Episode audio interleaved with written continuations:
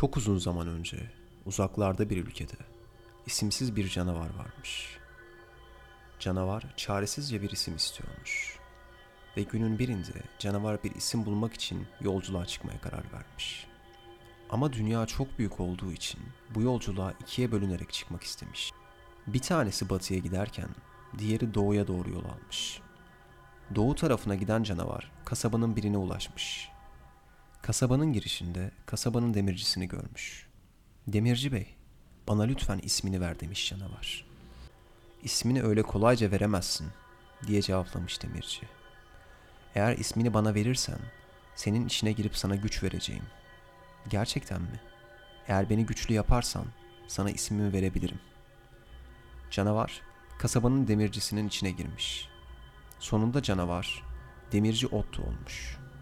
Demirci Otto zaman içerisinde kasabanın en güçlüsü haline gelmiş. Ama bir gün ağzından şu kelimeler dökülmüş. Bana bakın, bana bakın. İçimdeki canavar ne kadar büyüdü. Aç canavar, demirci Otto'yu içten dışa doğru yemiş ve yine isimsiz bir canavar haline gelmiş.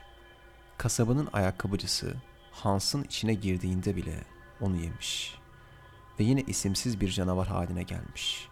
Kasabanın avcısı Thomas'ın içine girdikten sonra onu yine yemiş ve yine isimsiz bir canavar haline gelmiş. Canavar yeni bir isim bulma umudu ile gezinirken güzel bir şato görmüş. Bu şatoda hasta bir çocuk varmış. Bana ismini verirsen sana gücümü veririm demiş canavar. Eğer bu hastalığı iyileştirip bana gücünü verirsen sana ismimi veririm diye yanıtlamış çocuk. Canavar çocuğun içine girmiş ve çocuk iyileşmiş. Kral çok sevinmiş. Prens iyileşti. Prens iyileşti. Canavar çocuğun ismini çok beğenmiş. Aynı zamanda şatoda yaşamayı da çok sevmiş. Ne kadar acıksa da bu açlığa dayanmış. Her gün karnı guruldamış ama yine de dayanmış. Fakat günün birinde pes etmiş ve şöyle demiş. Bana bakın, bana bakın. İçimdeki canavar ne kadar büyüdü. Çocuk kralı ve hatta yardımcılarını bile yemiş.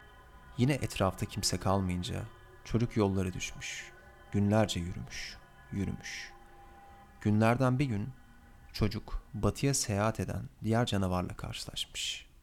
Artık bir ismim var. Çok da güzel bir isim demiş canavar. Batıya giden canavar ise şöyle cevaplamış.